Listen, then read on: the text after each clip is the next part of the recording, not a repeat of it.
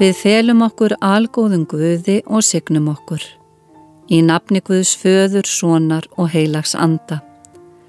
Guð komi til mín og varveiti mig frá öllu ítlu til lífs og sálar þennan dag og alla daga í Jésu nafni. Amen. Í Markusar Guðspjall er að finna eftirfarandi frásögn. Það var löst knúði Jésús lærisveina sína að fara í bátinn og halda á undan yfir til Betsaítu meðan hann sendi fólki brott og þá er hann hafði kvart það fór hann til fjalls að byggjast fyrir. Þegar kvöld var komið var báturinn á miðju vatni en Jésús einn á landi. Hann sá að þeim var þungu róðurinn því að vindur var á móti þeim og ef langt var liði nætur kemur hann til þeirra gangandi á vatninu og ætlar fram hjá þeim. Þegar þeir sáu Jésu ganga á vatninu, hugðu þeir að þar færi vofa og æftu upp yfir sig. Því að allir sáu þeir hann og urðu skeldir. En Jésu smælti jafn skjótt til þeirra. Verið hugraustir, það er ég. Verið órættir. Og hann stje í bátinn til þeirra og lægði þá vindin. Amen.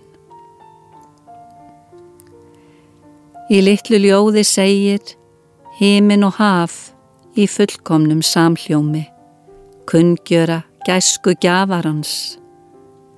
Tær festing og dimblátt djúb, syngja söngin sem litar lífið. Við skulum byggja. Góði Guð, við þökkum þér fyrir þá frásögn sem við fengum að heyra sem segir frá lífi og starfi Jésu. Við þökkum þér fyrir að á sama hátt og þú helst verndar hendi yfir vinum, þínum og vinkonum megum við trúa því að þú haldir vernd þinni yfir okkur. Við megum treysta því að þú ert með okkur á hverju stundu æfinar og kannski aldrei eins nærri og þegar við erum stött í lífsins ólgu sjó og finnum fyrir vanmætti, óta eða kvíða. Þú hvetur okkur til að vera hugraust. Þegar við standum frammi fyrir áskorunum í lífinu, megum við leita til þín og þykja stöðning, kraft, styrk og uppörfun.